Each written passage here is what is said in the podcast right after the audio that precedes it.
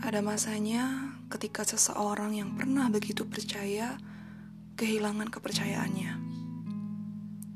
Ia menjadi marah dan skeptis terhadap apa pun. Semua hal baginya adalah omong kosong. Aku juga pernah begitu. Tapi, apa mungkin aku bisa melakukan itu kepada Tuhanku? Jika iya, mungkin aku tak bisa berlama-lama. Iya, bagaimana bisa? Bukankah ketika aku merasa kecewa, ialah yang paling dulu tahu dan meraihku? Ku bayangkan ia mendekap bahuku ketika aku tengah terseduh dalam sujudku yang pilu. Aku selalu berjanji pada diriku untuk tidak lagi meminta kepadanya setelah aku marah karena ia terus menghujaniku dengan badai berkali-kali.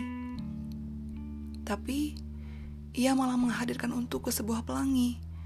Tak hanya itu, ia merekahkan bunga, meniupkan angin, dan membiarkan mataku yang sinis melihat lagi langitnya yang sudah baik-baik saja.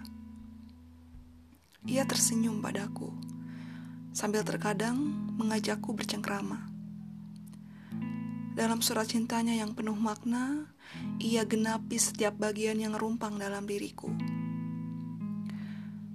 Nanti, kalau sudah di surga tidak akan sakit lagi. Sabar ya, kau akan segera pulih. Mataku hanya berbayang dengan pertanyaan-pertanyaan lainnya. Tapi, apa aku bisa ke sana? Tuhan tersenyum. Bisa, selama kau tidak meninggalkanku. Tangisku malah menjadi.